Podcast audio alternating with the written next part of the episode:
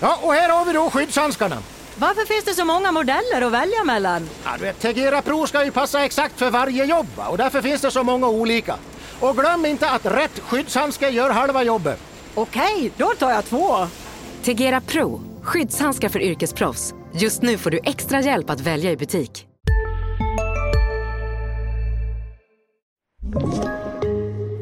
Det är återigen dags. Sanne och Svensson är tillbaka med avsnittsnummer 48. Och då tänker jag givetvis på Johan Liket Lindström, denna HV-ikon får man säga. Var även i Linköping och Mora. Carl Klingberg, eh, landslagsman, spelar numera i Schweiz. Och sen har vi Andreas Waldix, en av de största talangerna faktiskt i Malmös historia. Men det blev aldrig riktigt någonting av honom. På tal om talanger så har vi en riktig talang som verkligen har visat vad han kan i år. Jonathan Berggren i Skellefteå. Kanske den bästa 48 när det är just nu. Kanske den bästa, ja kanske inte genom tiderna, det vet jag inte. Men han är riktigt bra. Men när vi skickade ut frågan på Twitter så taggade han faktiskt inte sig själv utan han valde att tagga en annan. Han valde att tagga Fredrik Öberg som har en historia, även han i Skellefteå. Men en som indirekt taggade sig själv, det var ju Max Freisius, en före detta Timrå J20-spelare. Sånt älskar vi ju. Hanno Pikkarainen, ja, han har varit runt lite, men han dansade en säsong väldigt bra på blå linjen i Mora. Och såklart Daniel Rahimi.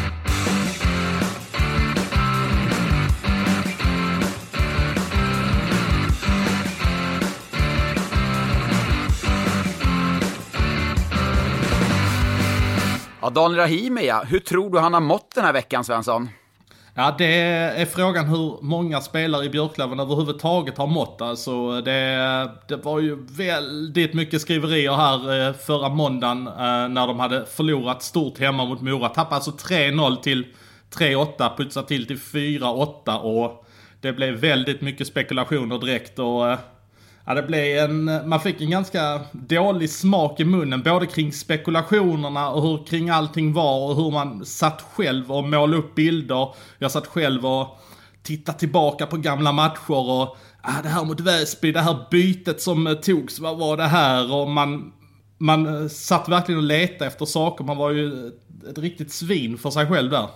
Men vad eh, Fredrik, eh, Fredrik här på Twitter som, eh, som skickar ut när vi ställer ut frågan, han säger ingen har bett Löven om ursäkt. Är det medias ansvar, är det sociala medier-drevets ansvar eller är det Bet365, Svenska Spel eller vem det nu var som hade det där, gjorde det misstaget? Vem ska be om Löven om ursäkt för att den härvan som rullades upp, den oron som blåstes upp under ja, ett par, tre, fyra dagar, den, alltså, det måste varit helt olidligt för dem.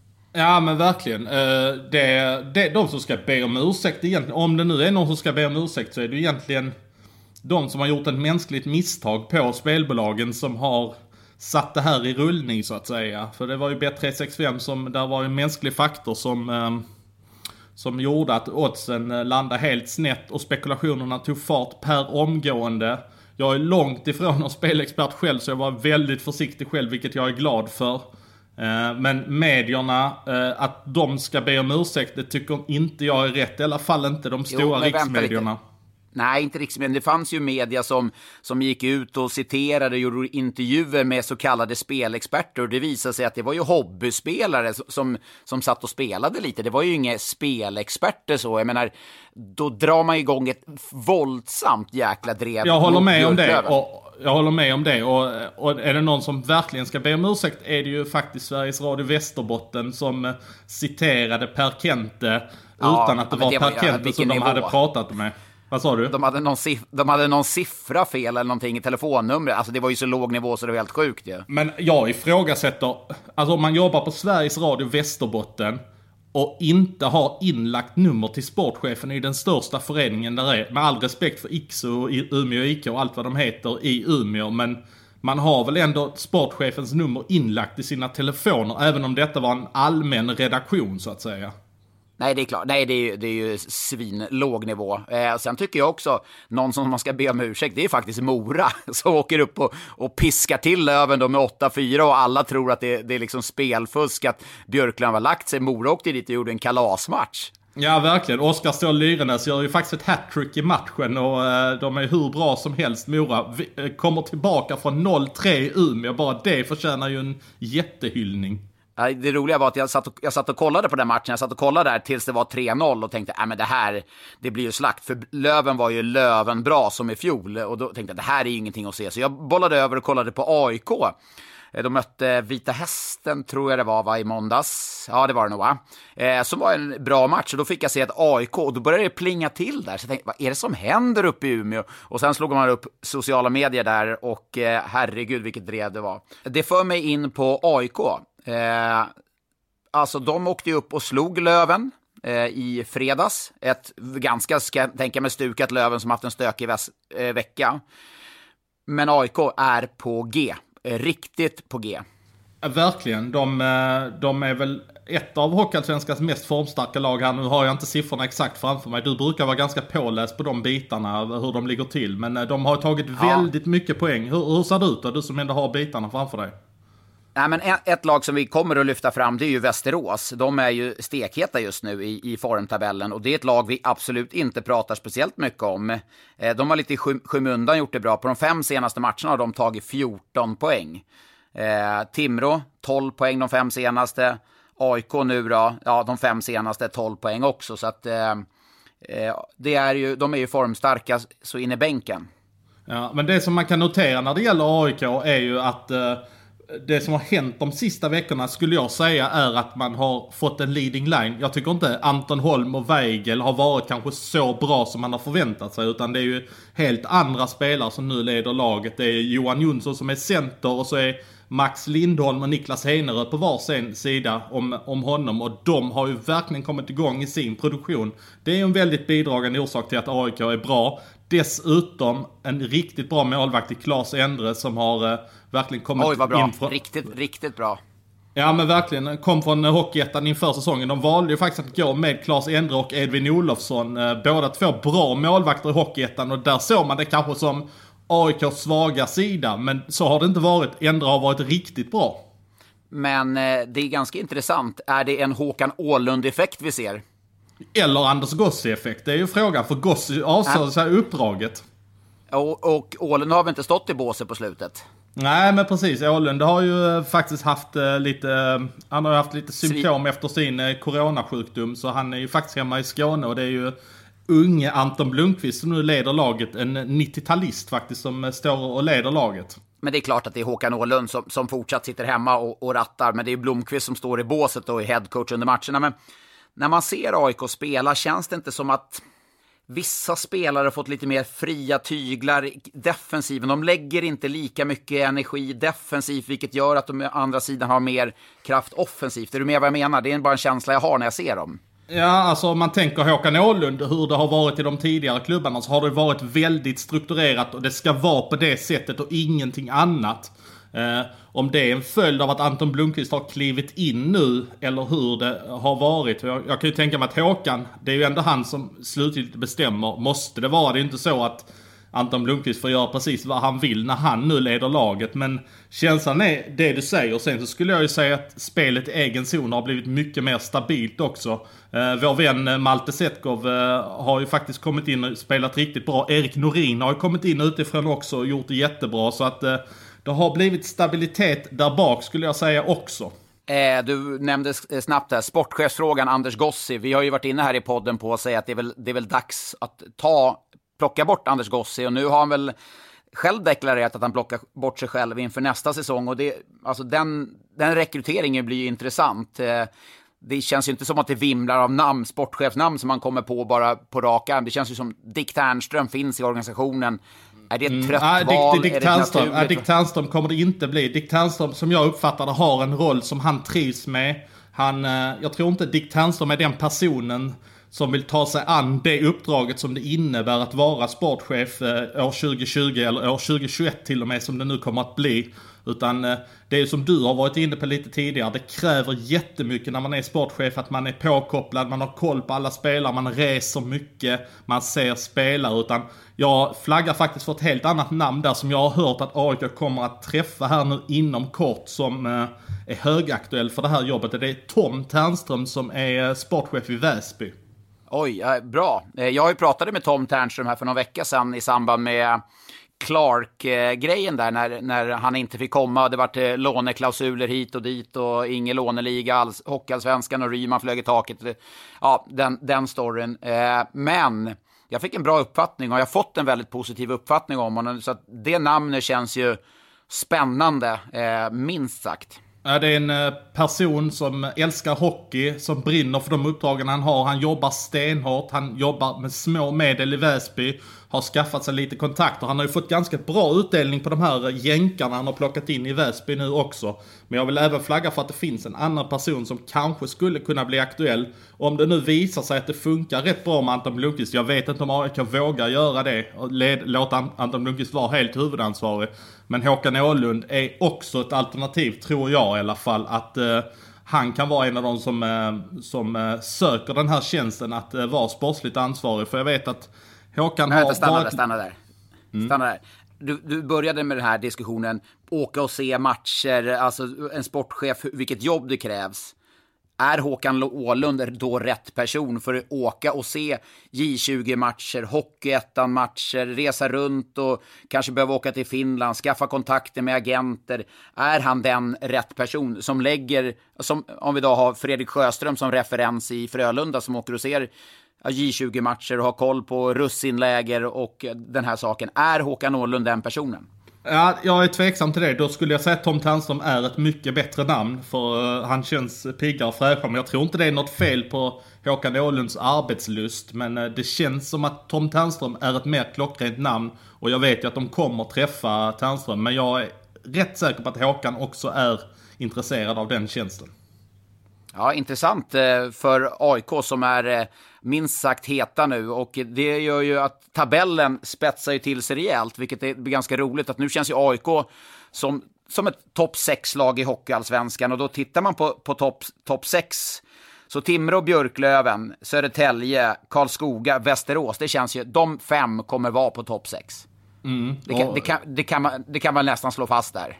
Ja men det tror jag definitivt. Och sen tror jag ändå över tid att Modo, även om nu de fick storstryk här mot AIK. Nej, men vad, vad, är det som säger att de över tid, alltså de har alltså, Modo har spelat, eh, vad är det, de är uppe i 22 matcher nu, 21-22 matcher, vad är det som säger att de över tid ska hamna på sjätte plats? Att de andra lagen är för dåliga. Alltså jag tror ju att, eh, vilka lag är det som är precis ovanför dem i tabellen om du tittar på det lite snabbt nej, nu? Nej men AIK är på sjätte plats nu och jag, jag ser ju, titta på truppen som AIK har, skulle de nu få fart på det här eh, som de eh, uppenbarligen har fått på slutet eh, så ser ju inte jag en anledning att inte de ska vara topp 6. Nej, nej, men att, du sa ju att det var fem lag. Då måste det finnas en plats till för Modo på topp 6 ju. Timrå, Björklöven, Södertälje, Karlskoga, Västerås. De kommer vara topp fem. De, de ah, har jag spikat okay, fast. Okej, okay, då är jag med. De, de, är, med. de fem kommer ligga på topp sex. Och sen pilla in AIK där som, som sexa då. Eh, men alltså, jag menar Mora. Vita Hästen känns ju som de har haft, eh, fått... Eh, de kommer få det tufft. Ja, Modo verkar vi väl vara överens om att de inte kommer topp 6. Eller ja, vi kanske ska passa oss för att dra slutsatser. Det är, det är ändå trots allt bara en halv serie spelad. Men Västerås var du inne på här och de har ju på något sätt får jag ändå säga i skymundan vunnit väldigt mycket matcher. De gjorde en snygg vändning mot Kristianstad här häromdagen. Och man ska säga det att Västerås har ganska mycket skador. De har spelare som varit borta på grund av corona. Hilding, Skedung till exempel som fortfarande... Hatchberg borta också. Hjärnskakning där ja. Så det är många spelare, viktiga spelare på en trupp som kanske inte är så jättestor som eh, ändå levererar poäng in på kontot. Ja, alltså grymt. Alltså kollar man poängsnittet då i Hockeyallsvenskan så är då är Västerås fjärde bästa lag efter Timrå, Björklöven, Södertälje. 1,7 poäng i snitt per match. Det är jättebra. Som du säger så har de, det är en rätt tunn trupp. Eh, men de har väl aviserat lite att det eventuellt skulle kunna värvas framöver också. Ja, de värvar ju Steven Jacobelli, så jag hoppas att jag uttalade rätt här nu. Och han, eh, han är ju inne i spel. Jag såg att han gjorde någon poäng här direkt mot eh, Kristianstad i alla fall. Så att de har ju plockat in en spelare i truppen. Det är ju en sån värvarpott som Patrik Zetterberg får. Det känns som Västerås kör någonting sånt varje säsong. Att fansen ställer upp med en halv miljon nästan varje säsong till Men alltså, honom. Ja, men, men de är en outsider. Vi, man pratar för lite om dem. En, en liten problematik jag ser där, där man, spelar, man går Kruse väldigt, väldigt hårt. Man spelar honom stenhårt. Och jag förstår att man gör det. Han, han spelar så pass bra. Men det betyder ju att Myrenberg, han har ju... Han har inte fått chansen på, på slutet. Dels framförallt för att han inte spelar tillräckligt bra, men det var ju ett tidigt skede när Västerås försvarsspel var väldigt dåligt. Nu Ja, har man ju styrt, styrt upp det. Jag tror att man måste man måste liksom fördela den belastningen, för är det ett lag som ska gå hela vägen så kan man inte gå bara med Kruse hela vägen. Nej, jag är faktiskt förvånad för jag trodde att Myrenberg var den de skulle gå med hela säsongen. Att det var att han skulle ta ytterligare ett kliv. För han var ju bra förra säsongen. Eh, och jag trodde verkligen att det var han de skulle gå med. Men där har ju, där har Emil Kruse kommit tillbaka på ett väldigt starkt sätt. Ja, eh, så, ja verkligen. Och, men alltså, jag tror man måste börja, börja liksom snacka lite mer eh, seriöst om Västerås som en utmanare. Får de tillbaka Skedung, Hilding då, som, som man kommer få efter jul, eh, misstänker jag. Eh, Hertzberg är du lite mer osäker kring. Eh, där finns det ju, så har man liksom fått upp någon en ung spelare där. Det var ju rätt roligt liksom direkt i, i första bytet. Ja, Kangas eh, heter han som gjorde mål där första bytet. Du såg vad han hade på ryggen va? Nej, vad tänkte du? Han hade ju namn på ryggen. Åh, i Väster... Ja, men det är, det är ju helt underbart. Det är ju helt underbart. Här kommer man upp som junior och så Mio Tobbe Hansson har löst ett namn på tröjan direkt. Det är väl klart han känner sig välkommen och levererar direkt. Leveracci första bytet, pang bom. Du, eh, jag var förresten i Oskarshamn i lördags och två av varandra oberoende personer efterfrågade, liksom kom fram. Du, kan du, kan du inte såga Oskarshamn lite? Jag tänkte, ja men jag visste att de har förlorat lite, men tycker spelet för... Ja men i podden, så vi får en Sanne och Svensson-effekt. Men du, det försökte jag ju med Thelin när jag sa att han inte hade gjort mål på ett fotbollsmål för några veckor sedan ju. Ja, nej, och det skulle han inte göra nu heller. Men du, det, har du märkt en, att det finns en annan effekt också? Ja det har jag faktiskt. Jag tänkte på det när jag var ute och gick en promenad i ett vansinnigt jäkla regn häromdagen. Då tänkte jag på eh, Adam Johanssons podd, eh, vad som har hänt med hans gäster sedan de Ja. eh, klev in där. Du kan ju berätta. Ja, men Adam Johansson-effekten måste vi börja tala ganska högt om nu. Han har ju en lite... De går väl ut ganska hårt och ska utmana Sanne och Svensson där eh, med Mattias Bromé och eh, Adam Johansson och Jonathan Dahlén. Och då tittade vi lite statistik. Vad har hänt sedan podden släpptes? Jonathan Dahlén, två matcher, noll poäng. Va? Mattias Bromé, en match, noll poäng, minus två. Ja, det är en Adam, det är en Adam Johansson-effekt deluxe. Ja, den är inte snygg alls. Och nu är ju eh, nu är Dahlén ner, han det tar ju ner hans snitt. Jag, jag har faktiskt inte ens tittat på det för jag blir bara deprimerad. Här, här målar jag upp någonting liksom att nu kommer han bara gå mot det här poängrekordet. Men han, eh, nu har han tappat två matcher på det här så att eh, nu blir det någon match han får kliva in och göra en fyra poäng per match här så att, så att han löser det. Men det tror jag faktiskt han kommer göra. Han har ju haft ett par sådana matcher tidigare. Men när jag ändå har Timrå här på tråden så att säga så eh, får man ju säga att eh, de, eh, de gnuggar på och de tar sina vinster. Nu blev det ju faktiskt en torsk här mot Vita Hästen i veckan när man, när man tappade sin svit. Men de gnuggade vidare där och vann direkt efter det. Så att, men där hör jag att Kent Nubben Norberg, som för övrigt har förlängt med fem år. eh, Tja-ching! där kan man tala om en bra förlängning för Timrå. Han, han älskar sitt jobb, Timrå älskar honom, han är perfekt man för det jobbet. Eh, men där är han ute på marknaden och jagar faktiskt en breddforward och en spetsback vad jag hör. Så att eh, han vill eh, bunkra upp lite här för avslutningen på säsongen. För Timrå kommer ju vara, ja får man säga att de går in som en favorit om det nu fortsätter så här. Ja, de kommer vara. De har ju svårt, rent historiskt har de haft svårt för Björklöven. Och är det så att de måste ta sig förbi Björklöven är, i en till exempel en final så, så kan det bli ganska lurigt för Timrå. Men eh, den tydligaste Sanny Svensson-effekten i vår korta men fina historia, det är ju Josef Ingman. Kom ihåg när jag lyfte fram honom som en landslagsman i Brynäs? det kan man lugnt säga, det minns jag mycket väl. Sen hände sen inte mycket. Men eh, du och Adam hade väl ett avslöjande i lördags att Chad Billings var på väg in i Brynäs. Vore inte Josef Ingman perfekt i Timrå? Han, är ju, han skulle ju vara en spetsback och det är ju inte så att det kryllar av rightare i Timrås lag utan eh, de ledande offensiva skulle jag väl säga att det är Marcus Hardegård i första hand som är den ledande offensiva backen och få in en eh, högerfattad back som kan gå in och spela lite i powerplay hade väl varit eh, ett jättebra alternativ för Timrå att få in. Men när vi ändå är inne på Brynäs där så du avslöjade ju Billens där. Om då Ingman landar i Timrå eller inte, det får vi se.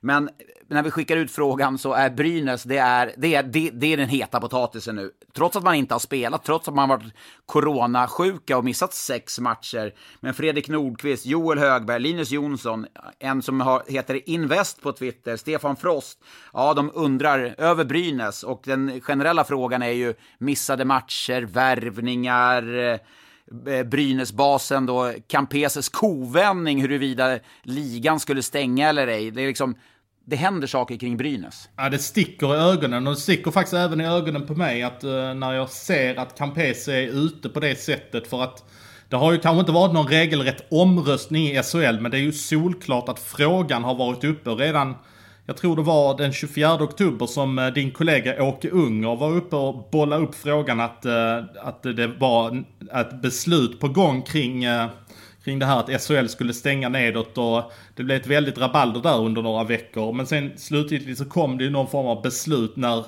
SHL-klubbarnas styrelseordförande och VD hade suttit i möte om att man beslutar sig för att inte gå vidare i den frågan utan det är, det lagt kort ligger så att säga. precis, då... men du, du vore ju inte Mr Maddock för inte. Du måste ju veta vilka, vilka klubbar röstade för att stänga ligan. Alltså de, som jag, de som jag hörde var för det då är ju eh, Linköping. Där har ju även lagkapten Jonas Junland varit ute och uttalat sig ganska skarpt kring detta. Inte för att han har med det att göra.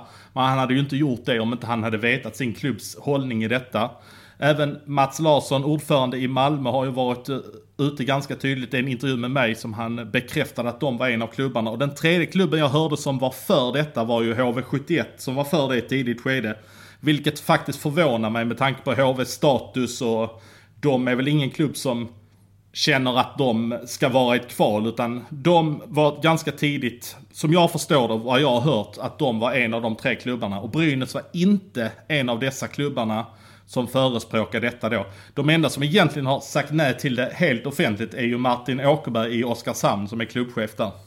Ja, och det är lite, det är ju, han vänder ju inte kappan efter vinden nu och säger att när Oskarshamn har 12 raka förluster, att nu, nu ska vi stänga. Det som blir problematiskt just nu, det är ju spelschemat. Alltså man vet att eh, på hösten då är det lite mer luftigt. På våren är det ganska tajt redan. Det är ofta veckor med tre, tre matcher i veckan. Nu ska de alltså få in åtta, nio matcher eh, som de har missat på grund av uppskjutna, dels att de själva varit och att andra lag som de har mött, eh, eh skulle möta har varit corona eh, eh, avstängda om man säger så. Det gör ju att, alltså, de, hur fan kommer de få upp schemat? Ja, nu är, ju, nu är det så att de är ju åtta matcher bakom Skellefteå och de har lyckats trolla in allting utom tre matcher och då är vi redan på nivå att de kommer få möta till exempel Luleå eh, hemma både tisdag och onsdag och det är ju en jättebra lösning om man kan göra så. Eh, de kommer få ta HV borta när de är på väg hem från Malmö. De möter Malmö borta en lördag så ska de på söndagen ta HV på vägen hem. Så det, alltså det är ju verkligen inte på samma sportsliga grunder som andra. Och det, det köper jag fullständigt att det, det har ju havererat fullständigt. Sen har de tre hemmamatcher till de ska trolla in. Jag tror det är Örebro, Linköping och Leksand de behöver trolla in i det här schemat. Och då borde egentligen prioriteten vara att få in Linköping som har längst resa till Gävle och de lagen. Leksand och Örebro kan man, jag ska inte nonchalera det på något sätt, men de är lättare att ta sig till Gävle. Det tar väl två och en halv timme från Örebro och eh, två, två timmar från Leksand kanske. De är kanske lite lättare att trolla in på typ en, en söndag när man har spelat en lördagsmatch hemma båda lagen dagen innan. Så att, eh, men det kommer bli extremt tajt för Brynäs. De har redan fått ta in en match i landslagsuppehållet i eh, november. Sen så finns det en tisdag tillgänglig i januari för dem. Sen är det ju helt tjockt för Brynäs. Men eh, jag brukar ju sällan vara ute och så här, eh, sprida rykten eller kommentera sådana saker. Dels för att jag tycker ibland att det är Eh, min trovärdighet kanske skulle, eh, om det nu finns någon sådan, eh, skulle svärtas ner. Men jag hörde här bara för någon dag sedan att Brynäs redan nu hade liksom flaggat för att eventuellt inte spela den 26. Vilket är rätt tidigt att flagga för. Och det är kanske hur många spelare som är sjuka. Ska man inte kunna spela den 26 till exempel? Finns 28 risk? Och, alltså du vet, då är, det ju, då, är, då är det ohållbart. Då känns det ju nästintill omöjligt. Ja, men jag undrar ju egentligen vad har man för förutsättningar för att ställa in matcher? För jag hörde i Brynäs första vända så hörde jag att det var fyra stycken som hade corona. Nu, nu ska man passa sig väldigt noga så man inte sprider rykten. Eh, då hörde jag att de hade fyra stycken som hade corona. Eh, och jag tror att jag har hört att det är fem stycken som behöver ha det för att man ska ha rätt att ställa in matcher. Men de hade ju lite skador och sånt. Det är risk men... för smittspridning, man får ha respekt för det. Ja, och det, där, det protokollet gjordes ju i somras när smittspridningen var på ett annat sätt och då skulle det vara fem stycken. För så hade de gjort i fotbollen. Men nu är det fyra, nu så, så är det, då måste man ju ställa in liksom. Ja, alltså lite så är det. Och sen så fick de ju faktiskt, de var ju igång och tränade där och skulle igång där eh, efter en vecka. Och jag, jag kände, det är tidigt för alla andra lag. Eh, har ju faktiskt tagit två veckor på sig eh, åtminstone innan man sätter igång verksamheten. Men jag tror ju att Brynäs har känt stress över sitt spelschema. Att de ville komma igång för att de kände att det blev så inåt helvete mycket matcher som de behövde ta eh, igen senare. Och då blir det inte på samma sportsliga grunder. Så kom det ju lite nya smittor i truppen. Och då var man kanske tvungna att göra det igen för att man visste inte var det skulle ta vägen. Om det skulle bli en stor smitta i hela truppen igen. Och äh, Ja, de eh, ligger illa på det, men jag tycker ju det här med, som Campese är ute och uttalar sig nu. Det, jag förstår varför han gör det, men jag, jag får en jäkligt dålig smak i munnen att han gör det nu när de är i den situationen. Det sänder så dåliga signaler. De, de borde på något sätt ha förutspått att det kunde hända. Nu var det de som drabbades, men det var ju just det här som till exempel HV Malmö, eh, som inte hade haft coronasmittor då, förutspådde Malmö säkert för att de var så jävligt dåliga. Men... Mm. Jo, ja, absolut. Man talar i egen sak. Men, ja, men har, man då, har, man då, har man då haft en omröstning då bara för en månad eller så och så ligger man, ja men vi ligger okej okay till, vi, vi har, nej, det kommer, det, vi har, vi har okej okay lag, nej, vi, röstar, vi röstar mot det här. Och så nu, nu sitter man skiten med liksom upp till, upp till, till nacken, då, då ska man rösta på ett annat sätt eller komma ut. Det tycker jag bara... Ja, verkligen. Jag, jag tycker ända sedan Campese kom in i Brynäs. Han, det har talats väldigt bra. Han har känt som oj, här har vi saker på gång i Brynäs och vi ska ta SM-guld fyra stycken inom de senaste tio åren. Det har, truten har gått lite väl mycket på honom måste jag säga.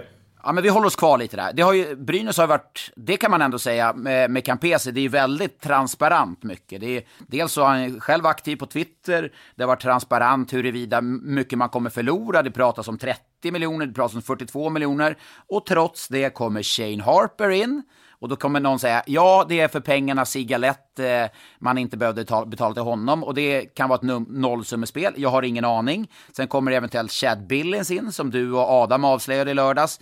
Alltså det, det sticker ju ruggigt mycket i ögonen ändå, måste jag säga. Ja, alltså jag har ju bestämt mig någonstans för att jag vill inte uttala mig om det. Nu, nu känns det som att jag är svinfeg här, men det, det är ju faktiskt relevant. Du är, ju, du är ju det. Ja, ja, det är jag ju. Men det är ändå relevant att vara i det här läget. För att jag har ju ingen koll på hur Brynäs ekonomi ser ut exakt. Om de anser sig ha råd för det. Det måste jag ju se när de gör ett bokslut sen, hur mycket de backar. Men de gör ju en prognos på att de ska backa 30 miljoner, vilket är helt sjuka pengar. Ja, det är galet. Alltså, det är ju, och då kan man också, alltså, det var vi inne på i förra podden, vad händer om man inte värvar Billins nu, om man gör det Shane Harper och ytterligare någon spelare som, som kanske kommer ramla in, ja men då åker man ut. Eh, och jag menar, då, är det ju, då sitter man ännu mer i skiten och måste varsla ännu mer folk. Ja, om man nu måste det. Eh, för att jag, jag, kan inte riktigt begripa det här. Om du tappar vad är det, 45 miljoner eller vad det nu är eh, i bidraget från SHL. En spelartrupp som Brynäs kostar 45-50 miljoner. Ja, då får du dra ner spelartruppen till en allsvensk nivå. Så är det problemet löst. Du kan ju inte sitta med en sån trupp då. Alla, alla kontrakt raderas ju i samma sekund som du åker ur SHL. Då får du bygga en trupp för 8 miljoner så får ERP Monitor gå in med pengarna istället ju. Ja, jo, men du sitter, de sitter ju fortfarande i drift på en arena. Alltså det, det är den typen jo, av kostnader. Jo, men det, blev, som... det, blev, men det blev ett nollsummespel, truppen gentemot SHL-pengarna. Sen är det klart att det blir färre sponsorer, jag fattar ju det också. Men man får ju anpassa sina kostnader efter hur det är. Ja, Medan du låg hemma i soffan och göttade i lördag så var jag ute och jobbade lite. Eh, det var skönt för jag var i stort sett ledig hela förra veckan. Eh, jag var i Oskarshamn och gjorde matchen mot Luleå. Och det var 11 raka förluster kom Oskarshamn in med, som bekant. Gjorde ju en bra första period och sen var det bara ridå Just nu pågår vår stora season sale med fantastiska priser på möbler och inredning. Passa på att fynda till hemmets alla rum, inne som ute, senast den 6 maj. Gör dig redo för sommar. Välkommen till Mio. Hej, Synoptik här. Visste du att solens UV-strålar kan vara skadliga och åldra dina ögon i förtid? Kom in till oss så hjälper vi dig att hitta rätt solglasögon som skyddar dina ögon. Välkommen till Synoptik allt, ja, allt vad du kan tänka dig. Och så tolfte raka förlusten i hamn liksom. Det är tufft för dem nu. Ja, vad var det du sa när Oskarshamn gjorde 2-0? Sa, sa du det här var en käftsmäll för Luleå? och Sen så gick Luleå in och levererade fyra käftsmällar på Oskarshamn. Ja, alltså för Luleå började i andra perioden jättebra. Och så från ingenstans så, så var det en icing-puck som inte blev icing. Och så oj, så gjorde ja, Rautio ett svagt ingripande och så var det 2-0. Och då tänkte jag, oj, det här blir tufft för Luleå, liksom bortamatch. Nu Oskarshamn tuggar igång igen. Men det är som du säger, det, ja, eh, det gick snabbt där sen. Och, det, och då ska man veta att Luleå var ju utan både Ilomäki och Tyrväinen när de eh, åkte ner till Oskarshamn. Och eh, man fick ju spela, vad var det, Jonas Berglund var tredje center och eh, man hade inte den fetaste truppen med sig ner men man, eh, man går in och löser det. Din favorit gjorde ju mål, det var han som satte igång hela vändningen. Chris De Sousa.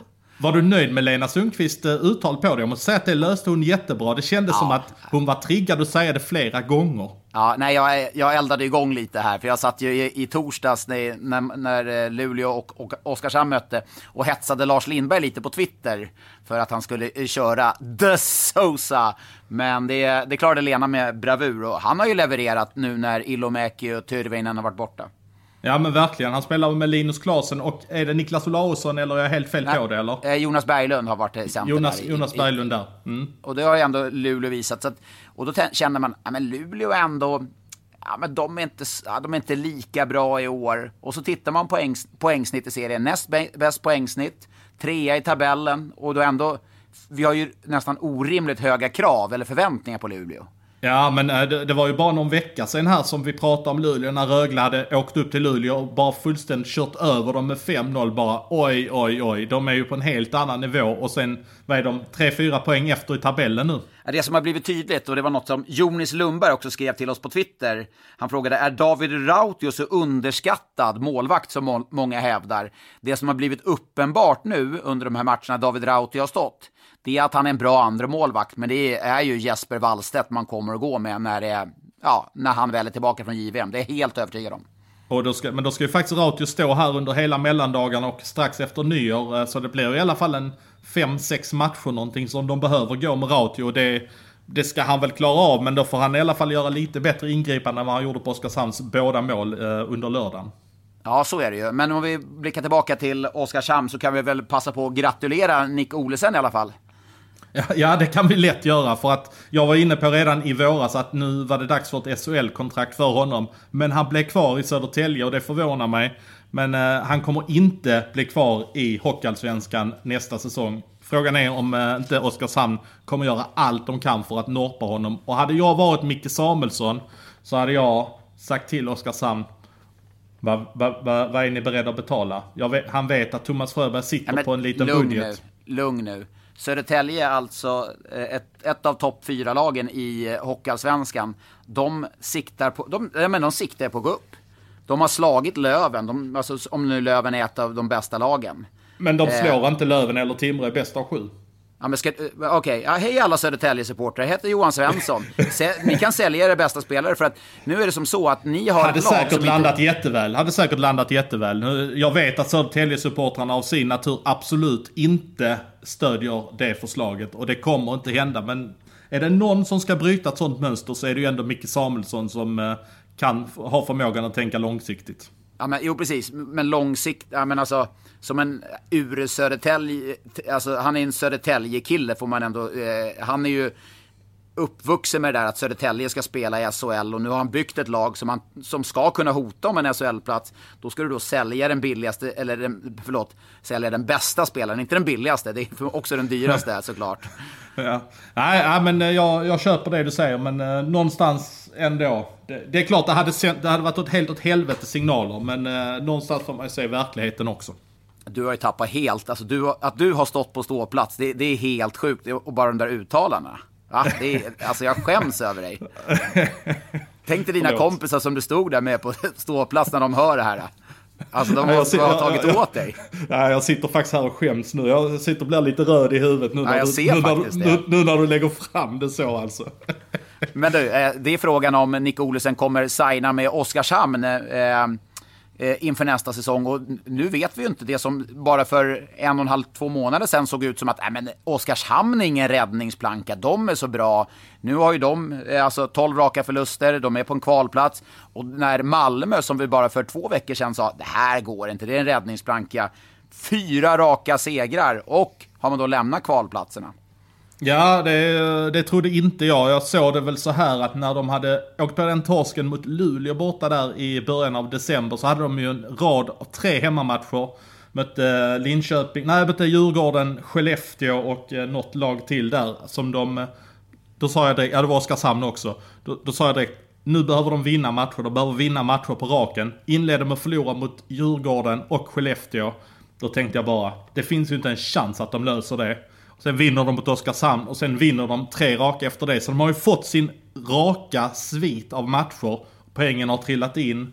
Och eh, därför har de också lyft i tabellen. Det behövs inte men, mer när du ligger i botten. Nej men det behövs inte mer än en vinst hit och dit. Men vad är det som har blivit bättre? Alltså det, är någon, no, det måste ha hänt någonting som har gjort en förändring. Ja, men det som har hänt är ju att Thomas Koller har klivit in i, eh, i staben, bidragit med en djävulsk energi. Det är ju det är Thomas Kolla så det bara sjunger om det nu. Jag ser han aktiv, som, aktiv som tusan på bänken. Det är han som håller videomötena äh, äh, med spelarna. Det är, det är han som kommer med feedback. Han är på dem hela tiden. Han driver träningarna. Han har kommit in med en helt annan energi. Han brinner något djävulskt för det han gör. Och jag tror ju att Kolla är... Det av sig liksom. Ja, och jag tror att han är hjärnan bakom mycket saker. Om du tittar på matchen mot Rögle, hur de gör två mål. Så har de ju läst av hur Rögle vill göra. De, är, de vill ju pressa väldigt hårt. Både 1-0 målet och 2-3 målet kommer ju ha samma effekt. Att två Rögle-spelare går tungt på den bakom förlängd mållinje. Som kan spela in till en helt fristående rakt i slottet som skvätter upp puckarna. Det känns ju som att det där är något taktiskt de har sett hos Rögle. Där Rögle lever väldigt mycket på det. Det är mycket sannolikhet man går på i de lägena som, eh, som eh, Cam Abbott gör att i de flesta fall löser det sig. Men eh, när man väl eh, hinner föra på de puckarna så eh, skiter det sig duktigt. Ja, men nu, nu blir det också, nu, nu, landar vi in i det här som jag, som jag är lite så här imponerad av i, i Malmö. Nu sitter vi och pratar om Thomas Kollar, som, att det är han som har vänt, att det, det, han är en del, och det, det, är säkert viktigt. Men Joakim Fagervall, jo men när, när det gick dåligt, sparka Fagervall, sparka Fagervall. Och Fredrik Händemark, han är ute och ja, indirekt kritisera, jag vet inte om det var riktat specifikt mot Fagervall, men han, Fredrik Händemark sa ju den gångna veckan att ja, men, träningen har varit eh, sämst i ligan och så. Och Fagervall, när han sen får frågan, han är så här, ja, jag är inte så snarstrucken liksom. Nej, men det, nej, men han har rätt i sin åsikt. Jag varit förvånad, men han, han blir liksom inte... Tänk om Bert Robertsson, Jonas Junland hade uttalat sig om, så om Linköpings träningar. Hur hade Bert Robertsson äh, agerat? Roger Rönnberg, äh, Niklas Ram för den delen. Du vet, han är, känns ju som den mest prestigelösa människan som går i två par skor. Eller ett par ja, skor. Ja, men, ett par skor har ni. ja, ett par skor. Nej, men, ja, men verkligen. Eh, jag, jag frågade honom lite så. Det som Händemark menade var ju, det var ju ganska mycket kritik mot sina egna lagkamrater. Att eh, man inte har drivit upp tempot på träningarna. Man har inte brukat allvar. Så tolkar i alla fall jag det som att det inte var. Men det är ju faktiskt, det är en tränare som är ansvarig för ispassen. Så att det är klart att det ligger på tränarens ansvar att se till att alla spelare är påkopplade när man tränar. Men jag kan säga så här att eh, det är ju så mycket sköld som Joakim Fagervall har varit. För kritiken har ju landat på Joakim Fagervall, inte på specifika spelare. Det är ju inte, det är inte många spelare i Malmö som har varit så här, han måste bort, han måste bort. Det där går inte, utan det är ju, äh, de har inget system, Joakim Fagervall hit och dit. Och det, han har ju fått smällarna. Ja, ja, men så är det ju. Och det, och det har han ju helt, precis som du säger, helt prestigelöst tagit. Det rör inte honom i ryggen, utan han har bara sagt, ja, vill någon prata om mitt jobb så gör det. Jag, jag kommer köra fullt ut fram till den dagen jag inte har jobbet. Utan han bara inser hur businessen är. Ja, nej, men jag, jag, är faktiskt imponerad av honom. Och det var väl kanske lite rykten om att eh, ja, det finns ju en tränare i Malmöområdet som heter Stefan Liljeslund. Ja, ska man kanske inte plocka in honom? Men du var ju avslöjade i tisdags att Lillis minsann var klar för HV71. En återkomst och i sitt första, eh, då hade han i alla fall nära till jobbet va? Han ja, åkte men han inte... åkte faktiskt upp till Jönköping först, uh, där på måndagskvällen. Jag ringde honom när han satt i bilen, då körde han en riktig vit lögn. Uh, okay. bara, det, det, det, låter som du sitter i bilen. Jag har bara varit och handlat lite, sa han. Okej, okay, okej. Okay. Men då var han på väg upp till Jönköping för att lägga sig på hotellet så att han kunde vara med på matchvärmningen på morgonen. Och sen åkte han med laget ner till Malmö. Det blev ju ingen Lillis-effekt eftersom Malmö vann den matchen, men vad, vad känner du kring att HV plockar in Lillis? Ja, men jag känner ändå att det är nödvändigt i den situationen man har eh, hamnat i. Ram är ju väldigt ensam. Både Holmström och Nyman är ju utanför båset just nu och vi vet ju inte statusen med Nyman till exempel när han kan vara tillbaka och arbeta fullt ut. Så att, att man behövde en kraft till i båset har känts direkt nödvändigt. Så att eh, om Ram är prestigelös i det där så har inte jag några problem med att Lillis kliver in. Nej, men är, man måste också få, det är som du säger, Stefan Nyman är, är, är inte med. Sviten av, i alla fall den eh, uppgifterna vi har, eh, sviten efter corona. Vi hoppas såklart att det går bra med Stefan Nyman, att han mår bra. Men eh, det är klart att Ram måste stöttas upp eh, och hjälpas. Och det här var ju ett sätt delvis att förlänga Rams tränarkarriär. Man hade ju kunnat kapat honom och plockat in Lillis, men nu väljer man ändå att plocka in Lillis för att stötta upp. Och då, jag tycker ändå att man ger Ram en chans att lyckas. För det är klart, när han inte haft Nyman vid sin sida så har det blivit ganska tungt. Då han och Holmström stått där. Och Nyman var ju ändå den man plockade in för att vara den starka kraften som skulle hålla hans hand på något sätt. Ja, och försvarsspelet. Men eh, det som jag reflekterade över när jag såg HV spela mot Malmö borta var hur fruktansvärt uddlösa framåt de var. Det hände ju knappt någonting överhuvudtaget. Nej, eh, det, är ju, det, är ju det är ju märkligt att med ändå den, de namnen man kan rada upp så. Eh, sen är det klart att en sån som Stoa, vi var inne på det, han behöver mer tid. Men tiden är ju rätt knapp för dem. Det är ju för varje match som går så ett lag som har förväntningar på sig. Att Malmö skulle vara i botten, det visste man någonstans. Oskarshamn, det fanns en förväntan kring det. Men för lag som Brynäs och framförallt HV, där det känner man runt halsen varje dag man går till jobbet att ah, det är lite jobbigt att andas för att det, det, är tufft. Jag har själv varit i det läget med Färjestad. Eh, och då har varit kanske 12-15 matcher, matcher in i säsongen. Men det, det, var tufft alltså. Varje dag när man visste att okej, okay, vi levererar inte som förväntat. Det är kris, det är kris, det är kris. Man, man, man är inte kreativ i tanken då kan jag säga. Nej, men på tal om kreativitet. Lias Andersson är ju en spelare som ska vara kreativ. Nu försvinner både han och eh, Linus Sandin bort till NHL och då blir man ju plötsligt väldigt tunna. Man har spelare borta på JVM så att det är ju ganska akut att man behöver nog få in någonting här under jul och nyår så att man eh, fyller upp med kroppar i truppen. Men det blir ju ett chicken race. Det kommer att bli ett chicken race. Brynäs värvar. Ja, det är ett krislag. Malmö, ja, de värvar ju så in i bänken mycket tänkte jag säga. Eh, eh, HV kommer att värva. Oskarshamn har flaggat för att plocka in eventuellt en forward. Det är liksom eh, coronatider till trots så liksom risken att åka ut och, och följdeffekterna av det är för stora. Så att det kommer bli ett, det kommer, jag menar, till 15 februari, klubbarna kommer värva som aldrig förr tänkte jag säga. Jag, jag vet att jag var ganska, jag, jag har gnällt mycket på Linköping när man plockade in Niko Ojamäki i somras. Eh, jag tror han var forward nummer 14. Men Linköping är väl den enda klubben där det inte har hänt någonting, rätta mig om jag har fel. Är, är det inte de som har skött sig bäst om man får säga så nu. Ja, de har gått från sämst till bäst då? De har gått från sköter sig sämst till bäst då eller? Ja men visst har de det. De, de lastade nog på rätt friskt där när det inte fanns så mycket coronarabatter. Nu fick de ju säkert eh, coronarabatt på bland annat Petri Nikkele eftersom han hade ett KL-avtal. Eh, Ojamäki fick de säkert lite coronarabatt på också. Men det var ju inte i närheten av de här rena reapriserna som är nu när man får Retrack för 50 000 i månaden gånger 12. Du börjar redan ladda upp för avsnitt 49 hör jag. Verkligen, ja det är ju dags. Retrack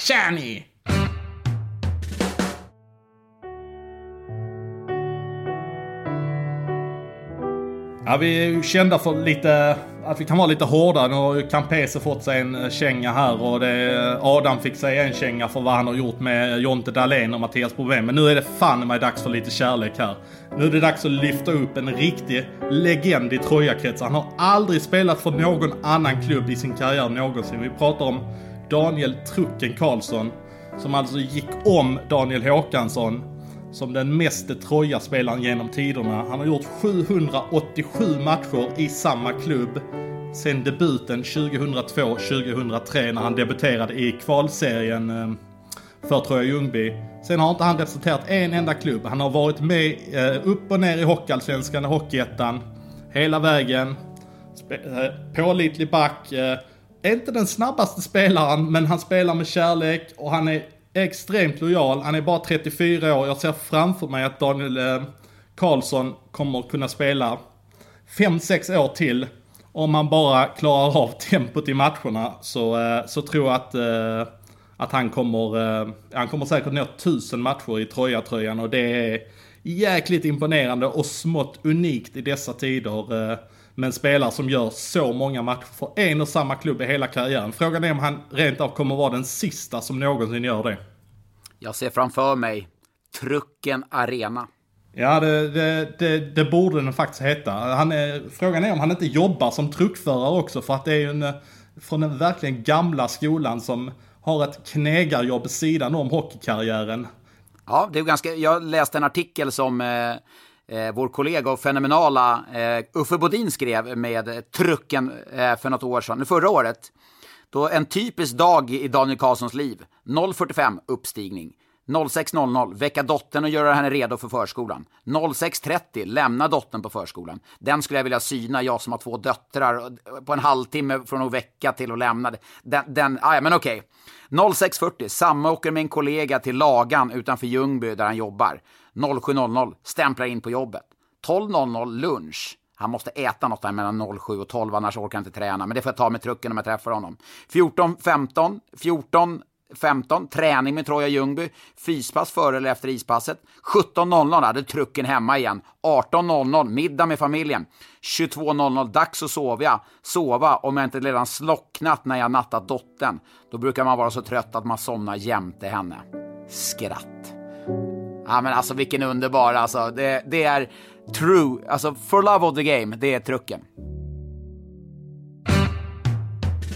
Eh, vi tar vid med lite frågor. Du har ju bakat in extremt många här. Du har lyft upp många av våra trogna lyssnare. Men vi tar en annan trogen lyssnare. Birk Rigelman. Han är aktiv nästan varje vecka. Och det är en fråga till, jag tror den är ämnad till dig.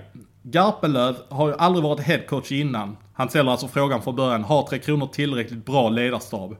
Garpenlöv har aldrig varit headcoach innan. Åkerblom misslyckad i Leksand, blek i Björklöven. Ragnarsson ett gäng år i Almtuna. Det är ju inga coachmeriter som skrämmer direkt. Ska det vara så i ett landslag? Nej, det kan man, det kan man ju. Det är det finaste jobbet man ska ha, i, eller det finaste jobbet som finns i svensk hockey. Eh, skulle Sam Halland få frågan, eller Roger Rönnberg, Robert Olsson eller Bulan Berglund för den delen, så tror jag faktiskt inte att de hade varit intresserade att vara förbundskaptener. Eh, så att det finns liksom det är inte de bästa tränarna, få, de vill nog inte vara förbundskaptener helt enkelt. Eh, och vad grundar du det på då? Jag tror, alltså, du har, de, de har tagit från förbundet, när Rickard Grönborg blev förbundskapten, då hade ju han varit i förbundet, han var ju scout för eh, Tre Kronor, började som scout, eh, han var sedermera U18 eh, och juniorlandslagscoach. Eh, jag, jag, tror att liksom, det är en vardag som coacherna vill ha en vardag hela tiden och coacha och känna utveckla ett lag. Det tror jag de brinner mer för än att coacha ett landslag.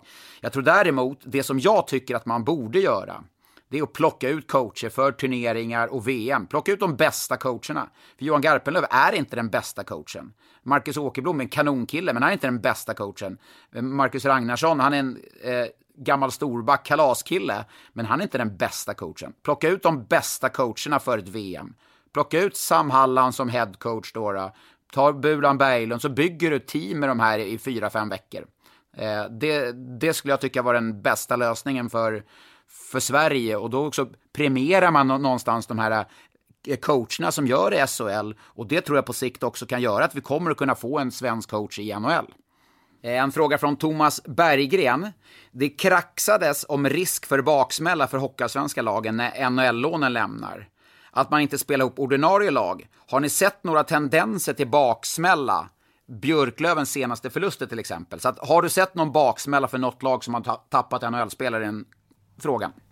Ja, jag skulle väl säga att eh, Vita Hästen är ju det laget som har eh, drabbats klart hårdast. Och sen så får vi väl se hur det går för Tingsryd också. Men Vita Hästen har ju tappat den som kanske var bäst i hela ligan, Marcus Sörensen. Eller han var bäst i hela ligan.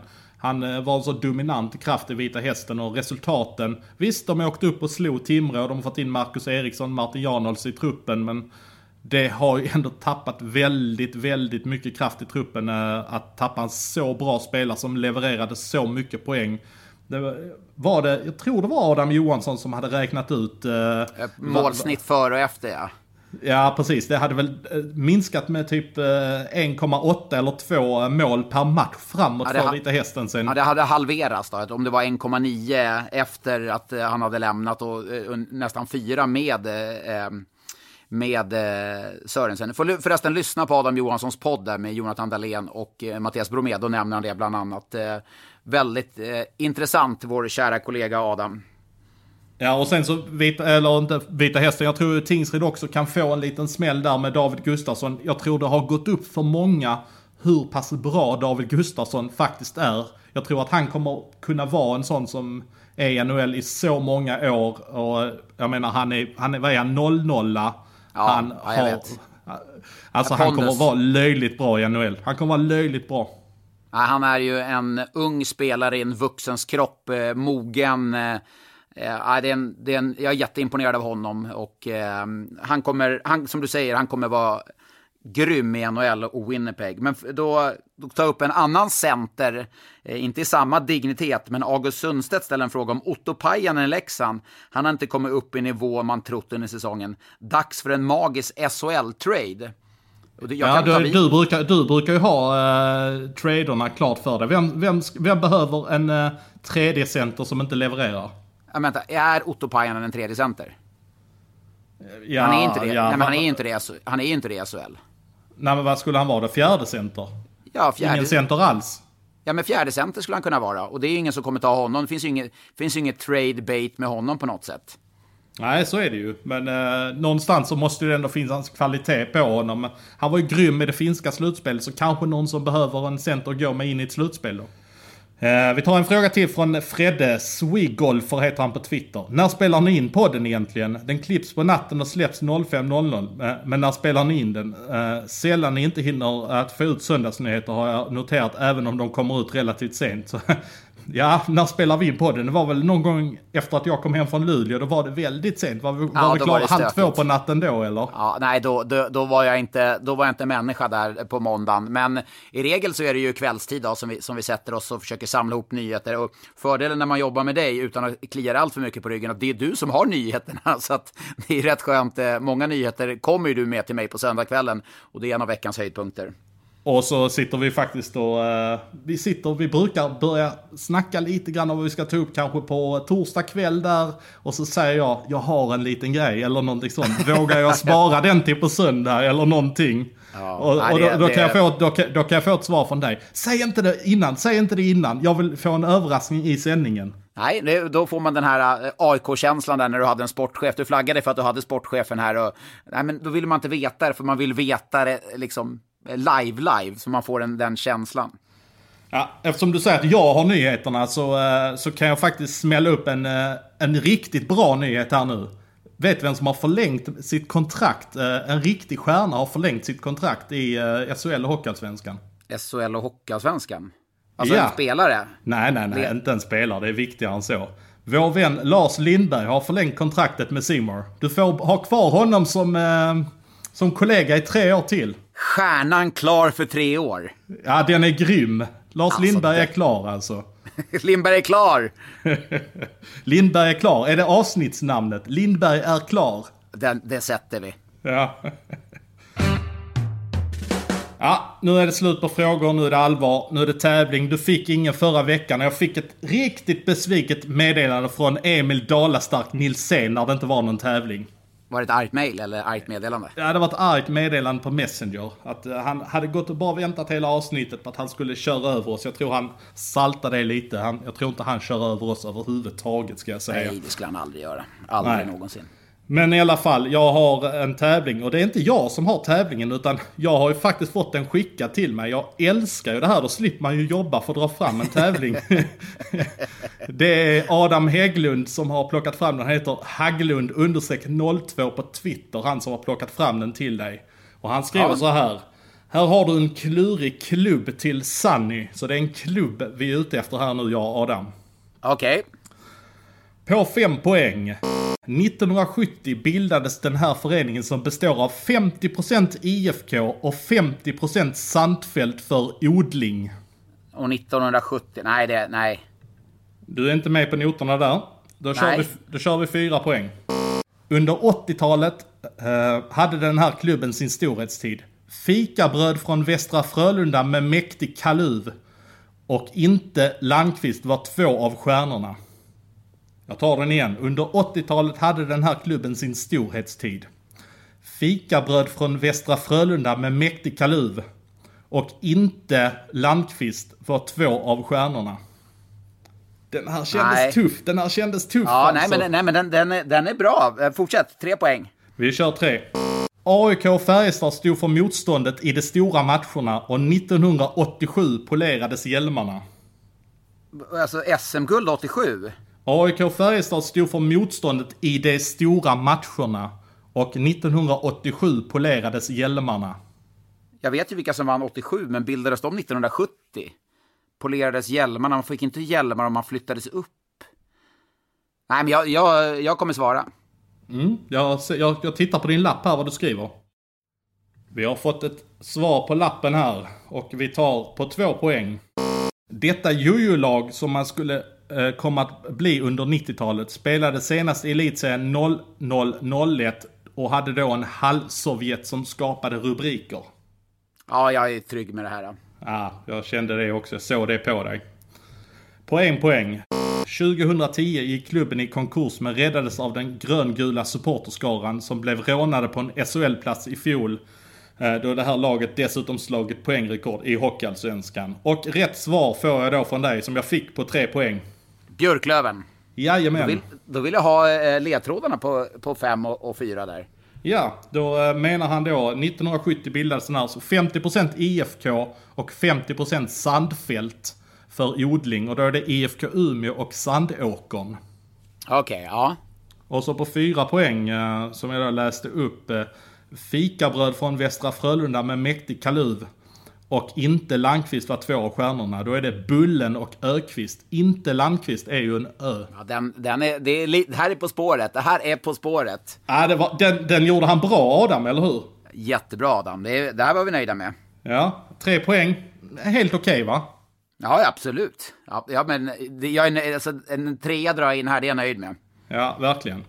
Eh, innan vi avslutar får jag eh, dra en annan grej. Har du en nyhet till? Nej, jag har en annan sak som jag, ehm, jag vill eh, dra här. Henning Solberg som är målvaktstränare i Malmö och han och Oskar Alsenfelt har ju sedan eh, typ april eller maj någonting hållit i en förening som heter Gör något då. Och de är väldigt nära att nå målet på 400 000 för att kunna köpa in en ny respirator till vården. Så jag skulle vilja slå ett slag för de som har möjlighet kan få swisha in en liten slant så att de eh, når det där målet. Och då är det 1, 2, 3, 140, 6404 som man kan swisha in. 1, 2, 3, 140 6404. Så kan de väl få ihop eh, de där 400 000 till den där respiratorn. Gör något då! Med den uppmaningen från Sunny där så tar vi och tackar för att ni var med oss under den här tiden och vi önskar alla en riktigt god jul. Och till skillnad från förra året när han skulle segla i Västindien höll jag på att säga. Ja, så vilken- så kommer, vi, kommer vi tillbaka i mellandagarna nu. Det finns ingen ledighet att ta ut för oss utan vi öser på nästa måndag.